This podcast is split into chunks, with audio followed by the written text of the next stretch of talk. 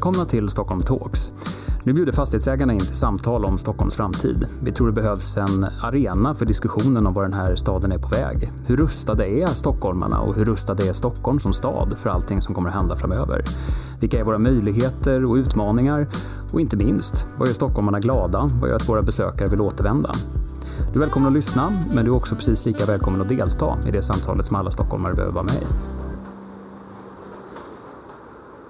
Varmt välkommen till Stockholm Talks. Eh, och vi kommer idag att prata om ett eh, fenomen, eller ett område som har engagerat väldigt, väldigt mycket. Det handlar om hur kommer framtidens trafiksystem se ut i Stockholm? Frågan är om vi står inför en mobilitetsrevolution. Innan dess att eh, coronakrisen drabbade oss så hade vi långtgående och vilda diskussioner om elskotrarnas frammarsch. Vi såg nya delningstjänster för elbilar. Vi diskuterade väldigt mycket när det gäller e-handeln, det här begreppet last mile, hur det ska lösas. En rad olika frågor kring hur vi människor transporterar oss och hur alla de varor vi är beroende av eh, kommer till oss på olika sätt. Vi kommer göra det här genom två delar. Jag kommer att börja med att ställa lite frågor till Kristoffer Börjesson som är digital chef på Fastighetsägarna i Stockholm. Eh, därefter så kommer vi prata med Daniel Heldén som är trafikborgarråd eh, i Stockholm. Eh, Caroline Hjelm på Voi, hon är marknadschef där. Och Oskar Öholm som är VD för Fastighetsägarna i Stockholm. Men Kristoffer, jag tänkte börja med att ställa en bred och öppen fråga. Och det är den här. Står vi inför en revolution när det gäller mobilitet i Stockholm? Jag tror att vi absolut gör det. Och jag tror att det har lite med det här corona att göra. Det ena är resedestruktionen. Vi får inte resa lika mycket. Vi kommer nog hålla oss ifrån kollektivtrafiken på något nytt sätt. Och då kommer det här med möjliggöra med elsparkcyklar, elcyklar och andra sätt att cykla i stan faktiskt ta fart. Ännu mer än vad det gjorde tidigare. Mm, så att om du försöker, försöker bena ut lite grann. Vad, vad tror du om man, om man säger så här att bilen är en dominerande spelare i Stockholm. Och det finns ju undersökningar som visar att, att jag tror att det är någonstans runt halva platsen mm. som finns i Stockholm används för vägar, parkering och annat som har med koppling till bilen att göra. Hur tror du att framtidens trafiksystem kommer se ut? Vad kommer det finnas för hur kommer vi att röra oss som människor? Jag tror att det här med ägandet kommer ju troligtvis försvinna i större utsträckning på sikt. Det vill säga en omställning av att äga sin bil, att också vara mer flexibel i de olika sättet att transportera sig. Det kan vara cykel på kanske vissa avstånd, elsparkcykeln på det korta avståndet, låna en bil vid behov och också såklart kunna låna en bil över en helg och åka lite längre bort. Jag tror att det här att ägarskapet på grund av att kanske få parkeringsplatser, hitta en parkeringsplats, få p-böter och allting att vi förstår att kostnaden att äga sin egna bil och den flexibiliteten inte är kopplat till just flexibilitet utan jag kan faktiskt låna vid behov. Mm, så ägandet är en dimension och där kommer vi få se mer av delningstjänster. Om man tänker så här att idag har vi egentligen ett transportsystem som bygger på kollektivtrafik. Såväl spårbunden som eh, via eh, både lite båt men framförallt buss i Stockholm. Vi har ju biltrafiken, både egenägd bil, delningstjänster, taxi. Och sen har vi då sett, eh, och sen har vi cykel såklart. Mm. Och sen har vi sett framväxten av mikromobilitet på olika sätt. I den här mixen, hur tror du den kommer att se ut framöver? Vilka av de här Eh, kommer vara vinnare och vilka kommer vi se mindre av? Jag tror att mikromobiliteten kommer bli vinnaren. Det vill säga spark och cyklar kommer nog ta över mer av den totala procentuella delen av hur vi transporterar oss. Och hoppningsvis att promenera också.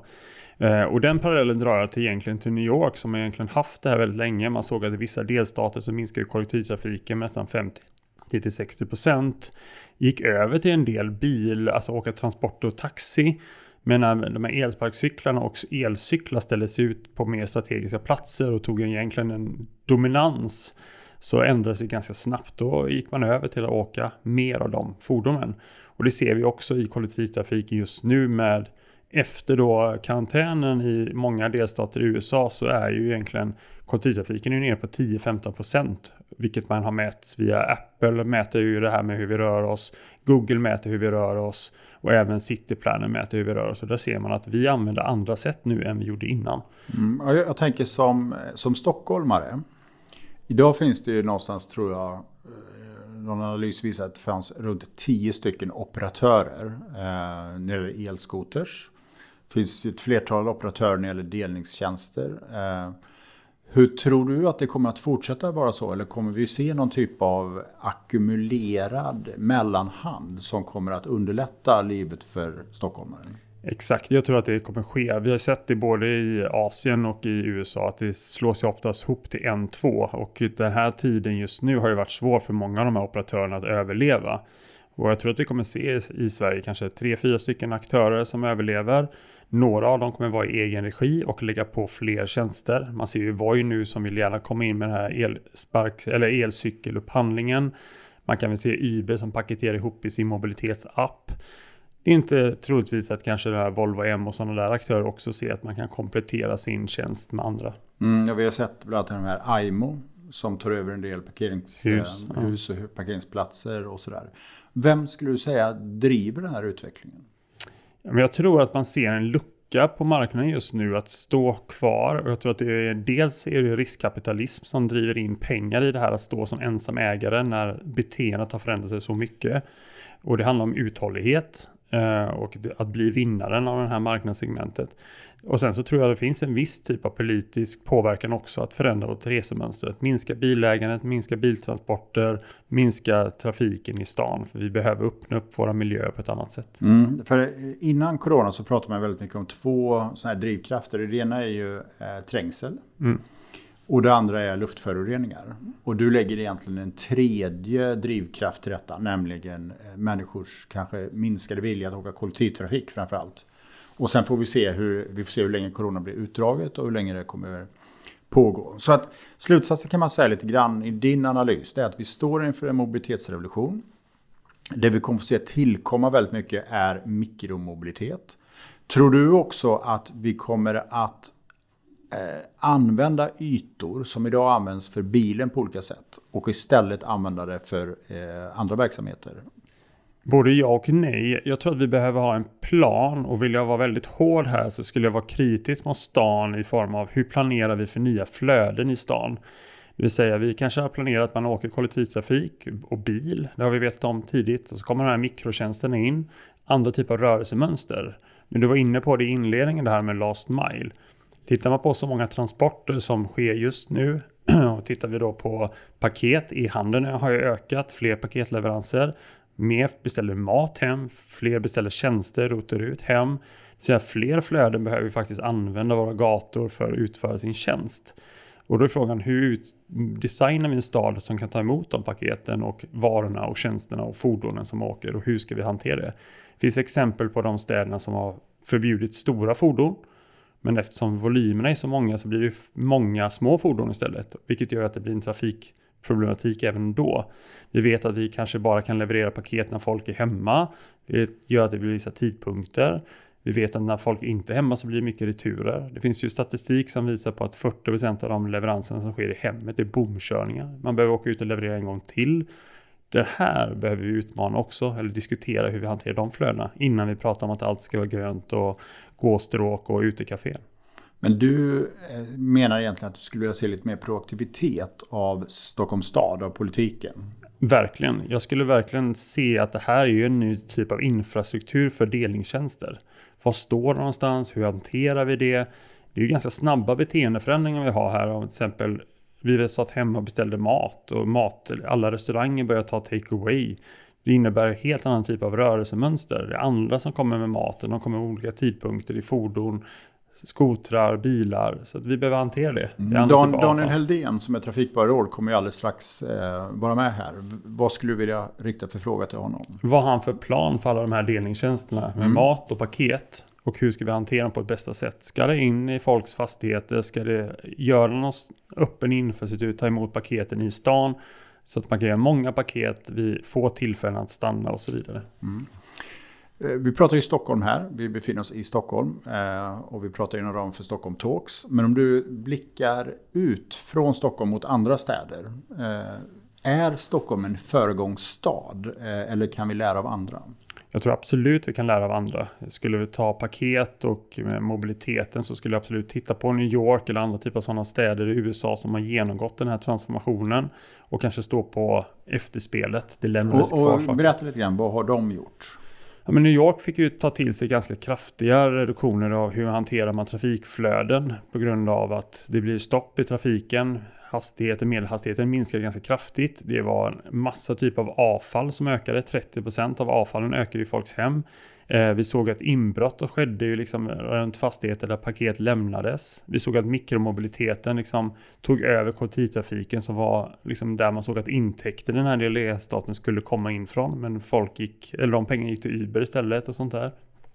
Så jag skulle liksom kolla på den politiska frågan. Hur hanterar man de här frågorna när det skedde så snabbt? Och det gick man in med tydliga upphandlingar, tydliga krav, geofencing till exempel på de här. Ni får inte ställa saker överallt, ni får göra på de här reglerna, ni behöver ladda dem på de här platserna så det inte var kaos då. Man hanterar också leveranser över hela dygnet, man tittade på olika typer av paketboxleveranser i stan för att ta emot det här. Eh, så man behöver ha en helhetsbild över det här. Och jag skulle verkligen prata om delningsekonomins effekt på den fastighetens och stadens tillgång, det vill säga ytor vi har mellan husen och fråga hur hanterar vi den infrastrukturen? Och fastighetsägarna själva. Mm. Eh, händer det någonting intressant och spännande där? Vi driver på den här frågan ganska mycket och det gör vi i samspel med logistik och transportörerna. Men vi tittar också ihop med handeln hur man vill hantera detta. Det ena är ju såklart att det är lätt att säga att folk vill ha sin matkasse i kylskåpet. Då löser sig alltihopa. Så bara vi löser att folk kommer in så är det okej. Okay. Men då vet vi att in i kylskåpet tar tid. Då är det få leveranser per timme. betyder fler fordon som ska in i stan. Och då tittar vi på hur kan vi lösa det här nära där fastigheter bor. Postutlämningsställen ICA och Coop och så vidare. Det är en lösning men den kommer inte räcka när vi behöver gå in i nästa domän, det vill säga ännu mer paket. Och där driver vi på ett antal hypoteser hur man kan lösa paketutlämningsställen eh, i en mer urban miljö. Utmaningen där blir ganska roligt för vi pratar med då staden. Hur hanterar ni en ansökan om 4000 boxar i stan på ett tillfälle? Ja, det går inte. Det blir stopp där direkt. Hur ska den se ut? Och vi behöver ansöka för varje plats och så vidare. Så att det här som Voi kan man ta upp det, när de bara ställde ut cyklar en dag, skulle vi ställa ut paketboxar på samma sätt? Vad hade, vilken trafikkaos det hade blivit och vad, vilka frågor hade vi ställt då? Mm. Eh, när man, ser ni någonting när det gäller eh, projektering och nybyggnation av flerbostadshus? Att man från numera från början tänker in de här dimensionerna mycket tydligare? Om jag tycker det. Man ser många som designar lite om paketboxar i husen eller miljörum ihop med paketutlämning och kylrum och så vidare. Det är en stor kostnad idag så att man försöker hålla det lågt men man tar med det i planeringen. Mm. Och den stora osäkerheten är ju egentligen hur vet vi att den här postboxen dyker upp i checkouten? Och hur vet vi att alla logistikoperatörer kommer använda den här? För det är fortfarande en liten viss typ av marknadsmekanism att ställa om. Och då tror jag Stockholms stad skulle må bra av att peka ut att vi vill ha öppna lösningar. Vi vill att alla ska kunna leverera i alla boxar. Så att det här behöver transportörerna faktiskt stå upp för om vi ska få ett hållbart Stockholm.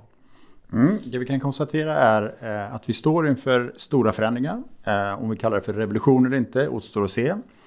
Eh, men att det också finns behov av mycket tydligare struktur och tydligare, en tydligare plan från Stockholms stads sida för att främja den här utvecklingen. Jag skulle avslutningsvis vilja fråga dig, är det här en positiv utveckling för eh, stockholmarna?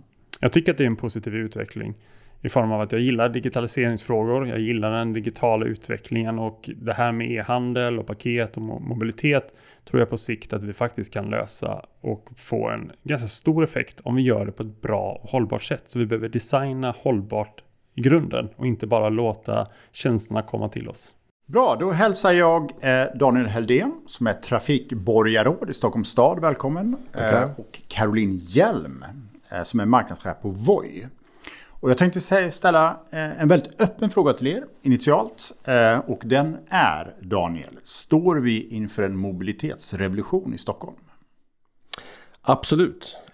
Och jag tror att corona faktiskt kan vara en del i detta. Mm. som påskyndar utvecklingen? Ja, vi har ju massor med processer som har löpt på de senaste åren och vi har ju sett en fantastisk utveckling till exempel på elbilsområdet.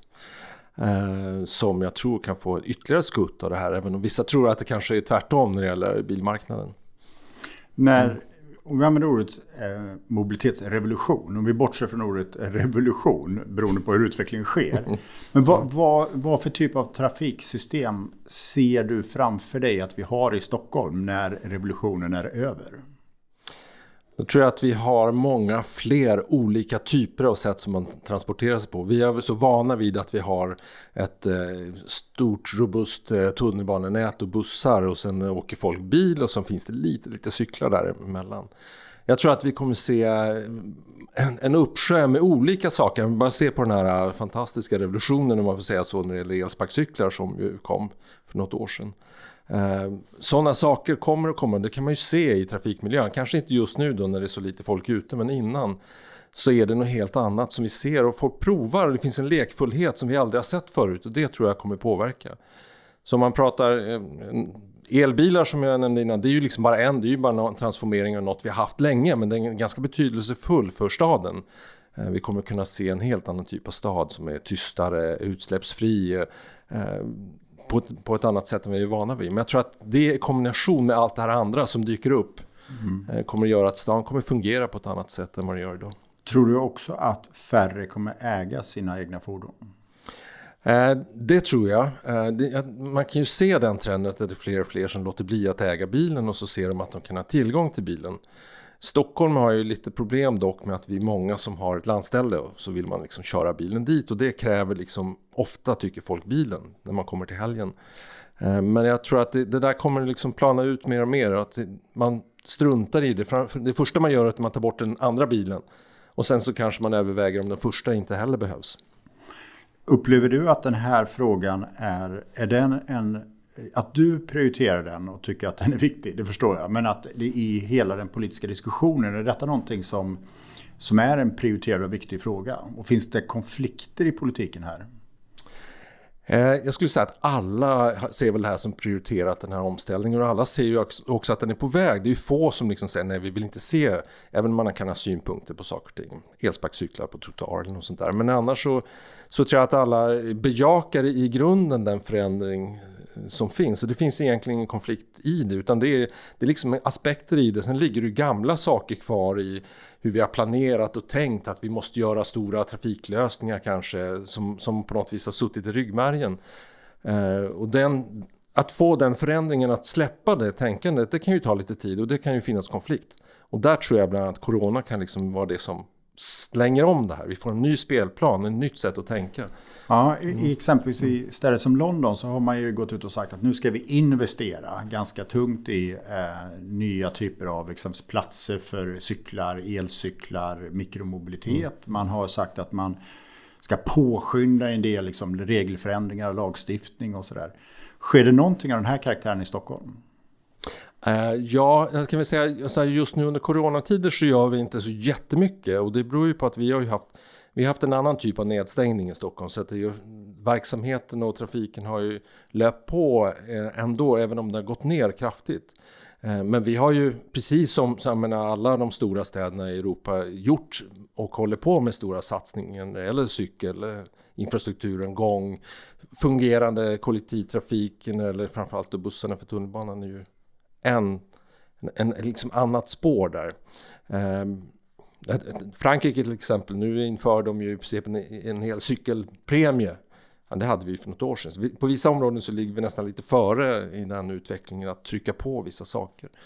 Men jag tror att det här är, det här är ju liksom ett... Eh, det kan vara början på ett systemskifte just att man är så tydligt och även på nationell nivå liksom trycker fram de här förändringarna och ser att de behövs för att vi kan inte riktigt hålla på som vi gjorde förut. Mm. Caroline, du jobbar ju för en av, eh, en av eh, entreprenörerna här och kan man säga eh, ett företag som har delvis förändrat Stockholms stadsbild. Är det din bild också att vi står inför en revolution?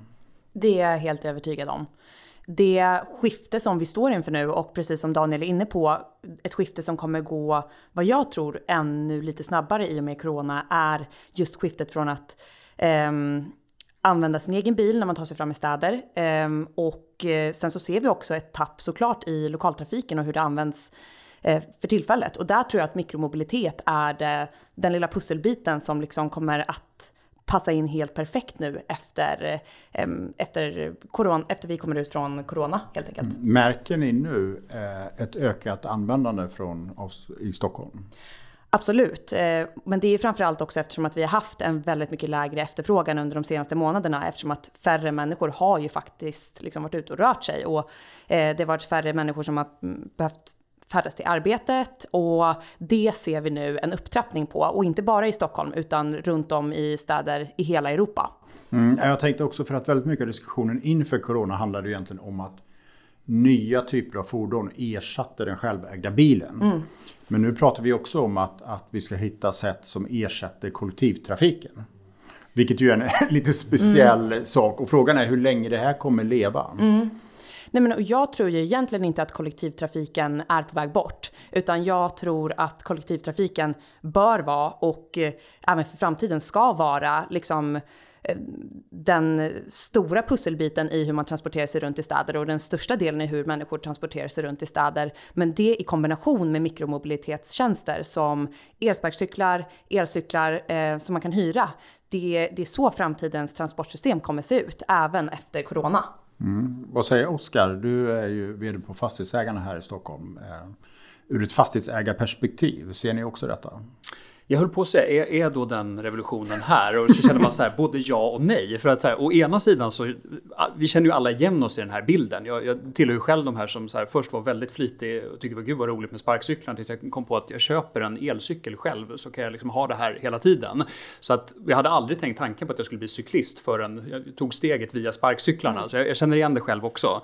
Och, och, och sen är det, tror jag, väldigt många fastighetsbolag som, jag har hört diskussioner på temat så här, vi borde ha ett seminarium, vad ska hända med garagen när det inte finns bilar i fastigheterna? Ganska roligt. Jag var på besök och tittade på så här, stadsodling i garage där de odlade sallad. Alltså bara det där är ju ett uttryck för att det är någonting på gång. Samtidigt skulle jag säga på temat det är inte revolution, det är ju det är fortfarande väldigt mycket av regelverket som är byggt på att det ser ut som det alltid ska göra. Jag tror att vi kommer behöva ha en diskussion om ja, hur ska P-tal se ut? Alltså hur, hur, många parkeringsplatser måste man bygga när man bygger nytt i ett område? Hur ska man se på liksom regelverket kring parkeringsavgifter och annat? Alltså det finns mängder av sådana delar där hela styrsystemet är kvar i det gamla samhället eh, som vi kommer behöva prata om hur det ska se ut. Och där är inte revolutionen än tycker jag. Mm. Upplever du utifrån ett fastighetsägarperspektiv att det från Stockholms stad finns en liksom en tydlig plan och en tydlig idé för eh, hur framtidens Stockholm ser ut mobilitetsmässigt. Som så att säga fastighetsägarna kan förhålla sig till. Jag upplever nog att det finns en, det finns en tydlig vision och mm. målbild att man vill modernisera sig detta men att det går lite långsamt i hur ska den, struktur, hur ska den infrastrukturen se ut egentligen. Eh, det kan mm. man säga.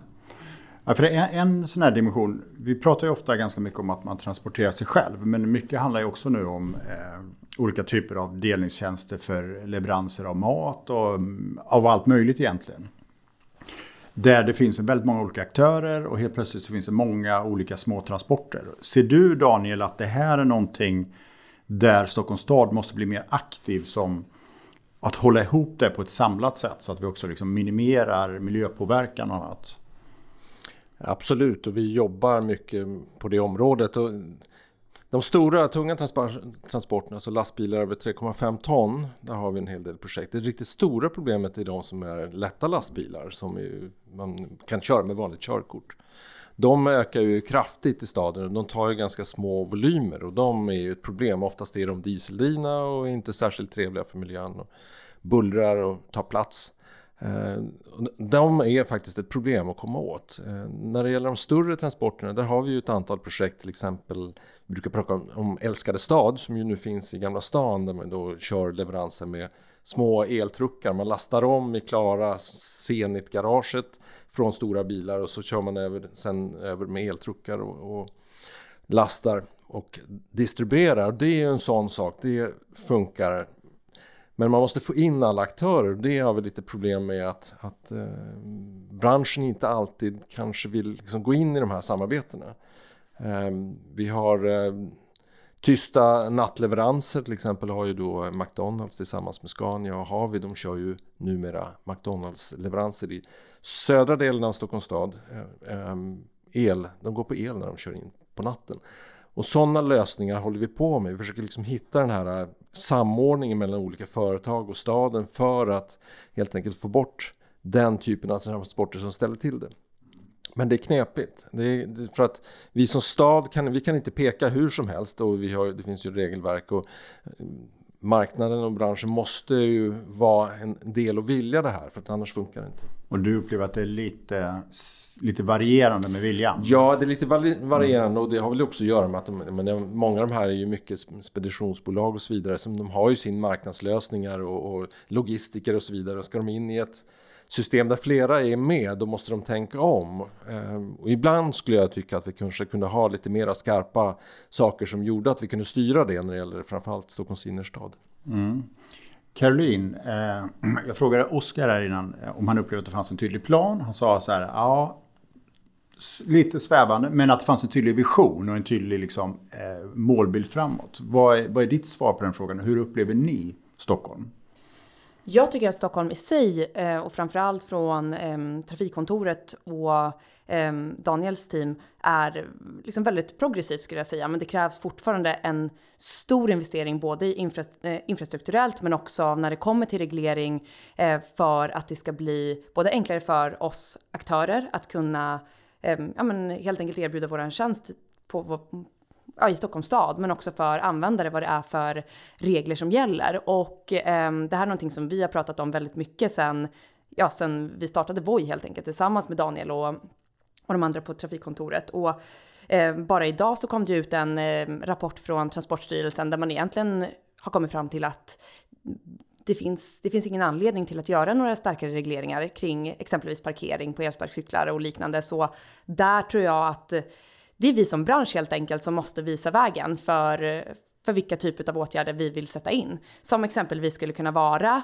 eh, kring ja, men parkeringsplatser, uppställningsplatser utav eh, sparkcyklarna. Det kan vara krav på transport där vi nu har gått från fossildrivna fordon för upphämtning av elsparkcyklarna till ja, men elektriskt drivna cargo bikes där vi helt enkelt bara har batterier som vi byter ut på skotrarna istället. Och jag tror att det vi skulle vilja se är framförallt ja, men, lite mer krav så att det blir lite högre standard på alla aktörer som, som lite, sysslar med lite den här typen. tydligare regelverk. Ja, tydligare regelverk mm. och eh, som Daniel är inne på också att vill man att eh, företagen ska anpassa sig och bli mer hållbara.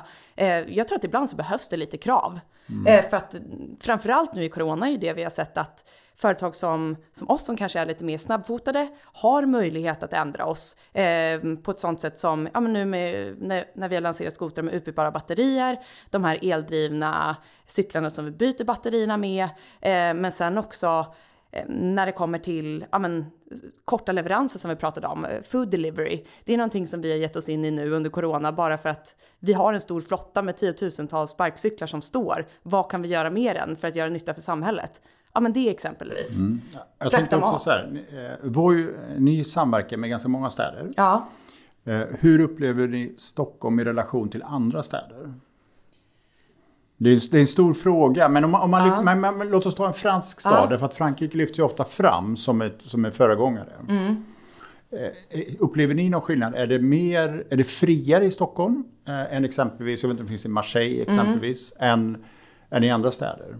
Otroligt mycket friare. Mm. Eh, och på många sätt så tycker jag att Stockholm är mycket bättre än, än de städerna där det helt enkelt blir överreglerat. Där det blir en otroligt dålig användarupplevelse för människorna som faktiskt vill ta sig runt i staden för att det är eh, ja, men no parking zones överallt, alltså ställen där man inte kan parkera.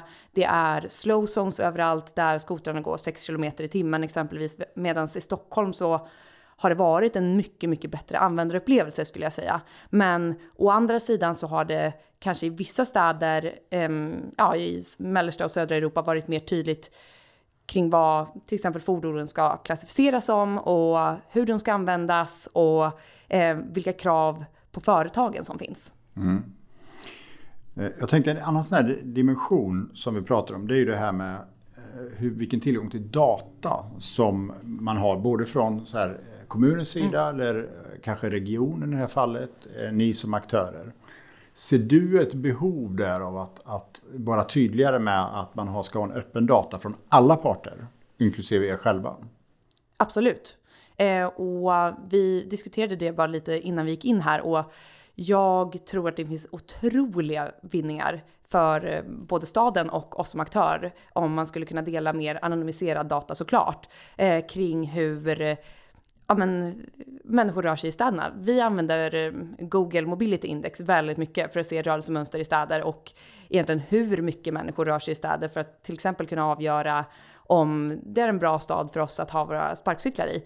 Och ehm, jag tror att om vi lägger på ett lager på, på den datan som exempelvis skulle kunna vara från SL eller eh, ja, en annan eh, operatör helt enkelt så skulle vi kunna göra mycket, mycket mer saker tillsammans.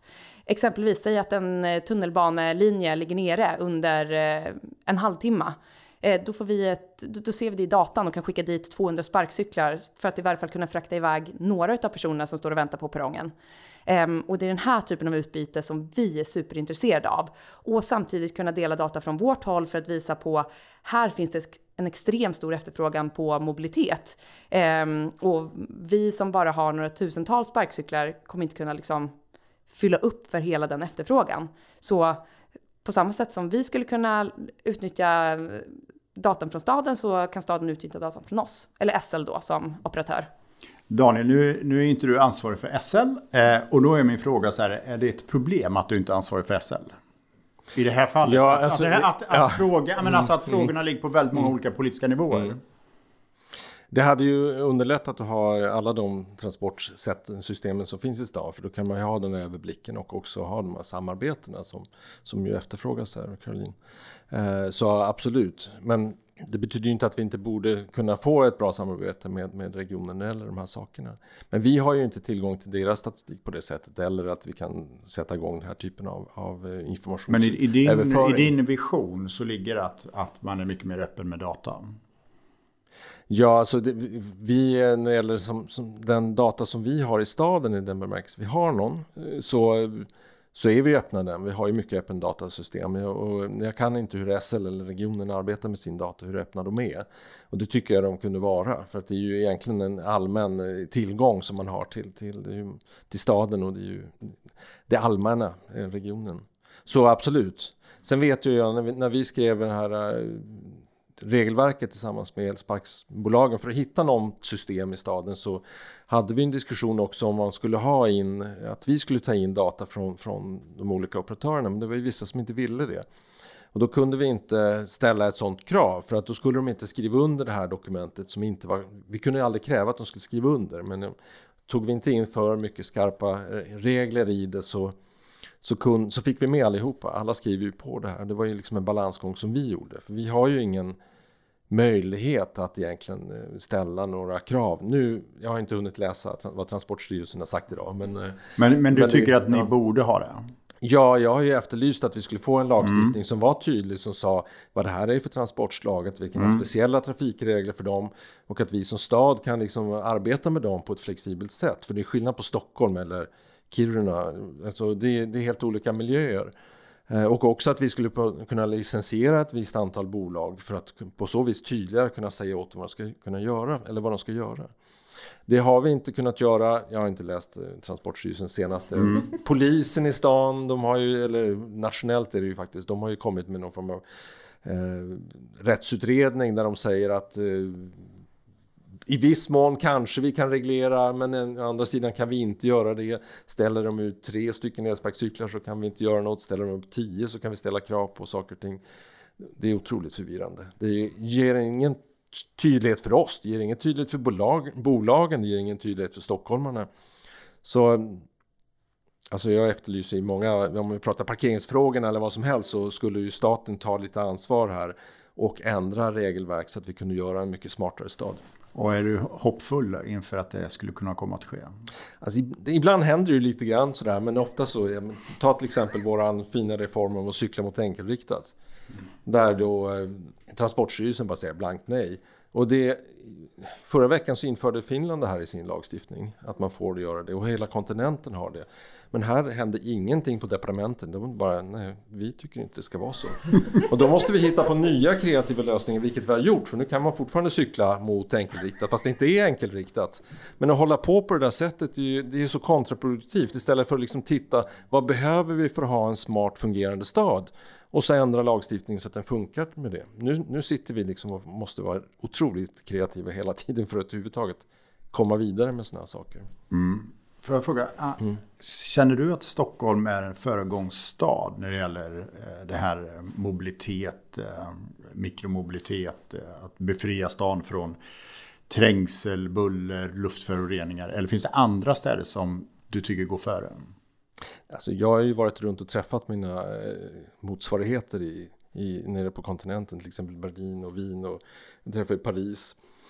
Eh, och i London för den delen. Och alla håller ju på med det här. Det här är ju inte, liksom, Stockholm är ju inte, är inte ensamma med det här. Det pågår överallt. Eller när jag var över i New York. Det är ju, liksom, det är ju den trend den förändring som, som sker. Det är otroligt kul att se. För att när man träffar dem så är det samma saker man diskuterar. Hur ska vi göra de här lösningarna?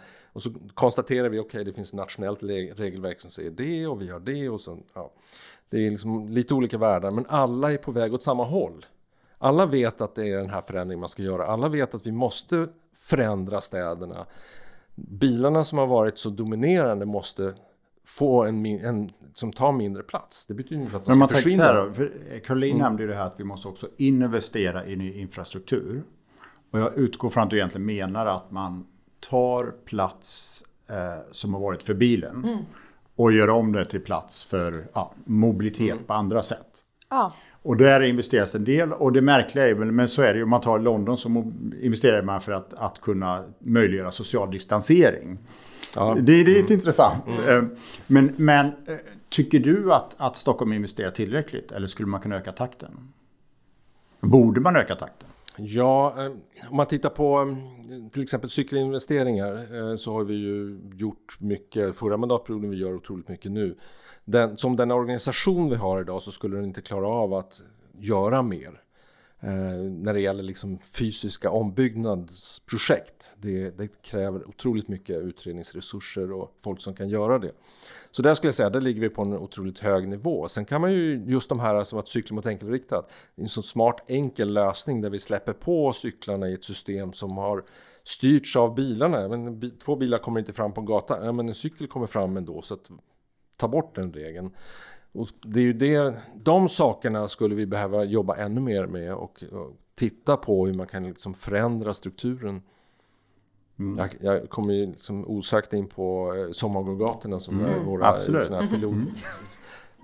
paradprojekt som vi liksom har genomfört. Där enkelt, det kostar, det kostar nästan ingenting i förhållande till att göra eh, fasta saker. Vi omvandlar flera kilometer med gator på sommarna folk älskar det, de är ute och går där, de kan hålla social distansering idag för att det är liksom mycket yta och så vidare. Eh, det är sådana saker vi måste jobba mycket, mycket mer med. Men Stockholm har ju annars som många andra städer under 50-60 år som skruvats in åt ett håll som har varit kantstenar för mycket bilar. Och nu gör vi något annat och det gäller att hitta den där mm. balansen som gör att vi inte bara bränner iväg pengar på att bygga om utan vi kan göra det på ett smart sätt. Men när du, när du sa här, när du sa här att, att Stockholm borde investera mer, mm. eh, vad tänker du då? Nej, men det är just eh, den typen mm. av grejer som Daniel är inne på. Och jag tror framförallt, in, det gäller inte bara att ta plats från bilar och göra det till cykel, cykelbanor eller cykelparkering eller parkering för elsparkcyklar. Det handlar om att göra liksom platser för människor, så som sommargatorna och göra mer sånt här. För att precis den känslan att eh, människor samlas ute på ett härligt, eh, ett härligt torg, det är restauranger, det är barer, det är mm, folk som är ute och går med hundar. Det är den typen av känsla man vill ha på fler ställen i städer överallt, men framförallt i Stockholm. Och jag menar, titta på idag, Stockholms stad, jag tror det är typ 48 procent utav markytan är bilvägar, eh, parkeringsplatser, garage. Och som du var inne på, vad kan man göra utav platsen i garage idag till exempel, där eh, när det inte finns tillräckligt mycket bilar? Kan man göra, inte vet jag, något eh, coolt eh, underground café på de här ställena? Kan man sätta upp eh, såna här postboxar där man kan hämta ut paket? Kan man ladda batterier för elsparkcyklar? Men det finns ju otroliga möjligheter med all den här ytan som finns. Men det var så intressant, för vi, vi var ju besökte, jag tror det är på Liljeholmen tror jag var. Mm. Det är, Exakt. där man odlar. Men det var ju också att, att de bara har ett testprojekt nu. Därför att de då Men där, där är man ju också inne på det här med, med att man måste vara lite kreativ med regelverket. För om, jag minns det där rätt, där var ju det stora problemet att ja, men det står i detaljplanen att det är garage och det går liksom inte att göra så här. Ja, går kan inte göra någonting annat och alla tycker i grunden att ja, men det här är väl en jättebra idé. Ja. Eh, och så kan vi ha närodlad sallad som kommer från garaget till Liljeholmen. Liljeholmen men så här, nej, då måste det ändras detaljplaner och så här, det, det finns ju saker att göra där. Och jag tror att flera av de här delarna som vi har- har varit inne på är ju att det, det tar lite tid för folk att vänja sig. Eh, Jag tror så här, sparkcyklarna är ett bra exempel där alla säger det ser för jävligt ut.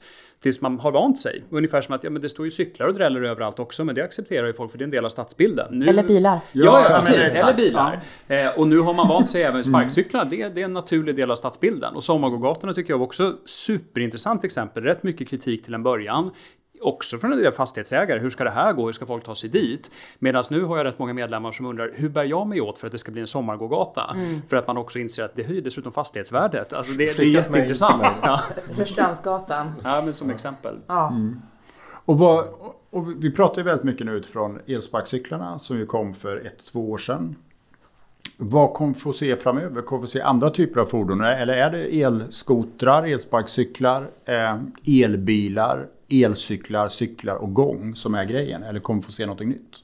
Absolut kommer vi få se Vad kommer, massa vad kommer nya vi coola få se? grejer. Vad kommer vi få se? Nej, men det kommer vara allt från poddar, det kommer vara eh, Och podd menar du? en, eh, ja, en, eh, tänk som en liten eh, three-wheeler fast Mm. med tak. Och vi har ju redan de här eh, i form av BIST, men Mm. det är mer en taxitjänst. Det kommer finnas sånt som du kan hyra själv. Det kommer finnas three-wheelers. Det kommer finnas liksom mikromobilitetslösningar som passar alla som ska röra sig runt om i staden. Mm. Och eh, som jag var lite inne på tidigare också, vi kommer att se såna här mikromobilitetshubbar överallt i anslutning till liksom, de stora hubbarna för lokaltrafik. Det är precis så Och en sån, hubb, en sån hubb skulle kunna se ut. Försök visualisera lite här. Ja, vi försöker, ehm, man kommer upp från tunnelbanan. Eh, man har en och en halv kilometer eh, kvar till kontoret.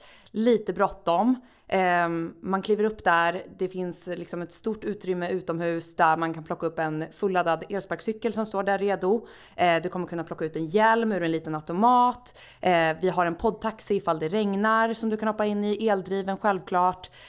Har du med dig barnen, då finns det en sån här eh, lådcykel på el som du kan stoppa barnen i, knäppa på säkerhetsbältet och så åker ni iväg med familjen. Så det kommer liksom, det kommer finnas de här hubbarna där det finns en uppsjö utav valmöjligheter helt enkelt och alla kommer kunna hitta en mikromobilitetslösning som passar Och. Daniel, när tror du att vi kan vara där? Vi har lite sånt Mm. idag, men det är Ja. inte i någon större omfattning. Bland annat så Stockholm Parkering arbetar ju med sådana här saker, mobilitetshubbar. Då är det ju både bilar och så är det cyklar och så finns Voi i vissa ställen och, och det finns paketutlämning och annat sånt där. Bland annat här i Gamla stan i det garage som vi har. Så vi jobbar med det och försöker utveckla det. Det är inte helt enkelt att göra det för att oftast ligger de här garagen kanske lite fel och man vill ju ha dem helst nära en tunnelbanestation. Och där är ju så mycket annat vi vill ha samtidigt. Det är svårt att få in. Älvsjö har vi ju cykelgarage, där skulle vi kunna göra mycket mer till exempel. Men jag tror just de här äh, lösningarna, för det vet man ju själv om man cyklar, att regnar det jättemycket, ja den dagen vill man kanske inte cykla och då vill man ha någon annan sån här lösning och då måste den finnas. Så eh, det finns uppdrag i alla bolagen att hålla på med de här sakerna när det gäller Stockholms stad. Och vi ska ju också se till, jag tänker när, när det byggs fastigheter så har vi ju regelverk som säger att man kan få sänkt p-tal om man för in sånt här i, i bostadsprojekten och även i, i kontorsprojekt. Och det är ju ett sätt att trigga igång det här. Och det måste vi göra ännu bättre än vad vi gör idag. Jag, jag tror också så här, man ska inte glömma, man, det är kul med alla de här jättehäftiga nya liksom, innovationerna som kommer. Sen ska man ju inte glömma det, det liksom mest effektiva och mest uråldriga av alla, så här, att promenera. Eh, och så här, det, det, är ju till syvende och sist... Vad är fel på att simma? Ja, absolut. Kanske i en stad som Stockholm. Nej, men jag brukar tänka mig så hur kommer det sig att jag promenerar till jobbet ofta, det är tre kilometer, medan när jag är på landet ska till butiken tre kilometer skulle jag aldrig komma på tanken mm. att gå dit. För det finns någonting i den urbana miljön, det händer saker längs vägen. Och det där måste ju också få konsekvenser när vi tänker hur utvecklar vi stan? Eh, att, att, hela, att bygga den här typen av miljöer och kanske också kan använda, vi pratade om data, vi kanske måste tänka lite datadriven stadsutveckling. Vad kommer det att krävas för densitet och täthet för att man här ska finnas både utrymme för butiker och, och, mm, och, saker som händer men också finnas eh, potential för att faktiskt ha, utöka zonen för Voi eller vad det nu skulle kunna men vara. Men också, också skönhet i någon mening, att, mm. att, att, man vill uppleva stan. Mm, verkligen. Så att det kommer flera andra dimensioner. Jag vet, en, fråga som fastighetsägarna är ju självklart är väldigt engagerade i, det är ju hur, hur kan man hantera eh, frakt och den typen av urbana tjänster som växer väldigt mycket nu. Allt från liksom takeaway, mat till egentligen alla typer av leveranser. Rykten är ju väldigt stora nu att Amazon är på väg in i Sverige. Eh, och det som har varit deras styrka väldigt mycket har ju varit en ganska stark träffsäkerhet på att leverera ganska snabbt. Eh, och det finns ju vissa städer i världen att vill man ha en ny eh, vill man ha en ny penna så beställer man den på Amazon så kommer den en kvart senare. Därför att där har man löst hela, det krävs att man har löst hela flödet. Och du Caroline efterlyste när det gäller egentligen eh, elsparkcyklar och mikromobilitet tydligare regler. Vilket jag tolkar som att då vet ju entreprenörerna vad som är förutsättningarna. Hur kan vi se till att bli framgångsrika? Idag är det ju, om det är luddigt och oklart så måste man antingen utmana och bryta mot regler. Eller så måste man vara väldigt snäll och riskerar att bli utkonkurrerad av de som bryter. Och jag undrar att när det gäller den här frågan också, hur kan vi liksom samordna, optimera och i, i e-handelsvärlden heter det på fikonspråk the last mile. Alltså hur tas det här paketet in den sista lilla biten eh, in i lägenheten eller kylskåpet eller vad det är. Daniel, ser du framför dig att, att det också skulle behövas ett mycket, mycket tydligare ledarskap och regelverk när det gäller den här typen av frågor? Så att DHL, Best, alla leverantörer, eh, Mathem. Alla på något sätt kan gå liksom i en samlad riktning. Ja, både och. Menar, att peka med handen åt en riktning kan ju också innebära att viss innovation försvinner och det kan ju vara farligt mm. i det mm. sammanhanget. Eh, så att jag tror inte man ska någon blandning av det där. Det är klart att man, vi har ju regelverket, det här du Caroline pratar om poddar, vi har ju ett par bolag som liksom vill komma in här i stan och köra runt med små självkörande saker som vi inte behöver någon förare sådär och då kommer liksom Transportstyrelsen också där och, så här, och Trafikverket och andra och säger att det här går kanske inte riktigt för sig. Ehm, jag tror att ehm, vi skulle behöva tydligare regler, vi behöver också ha mycket tydligare liksom, den här möjligheten att testa innovationer på det sättet.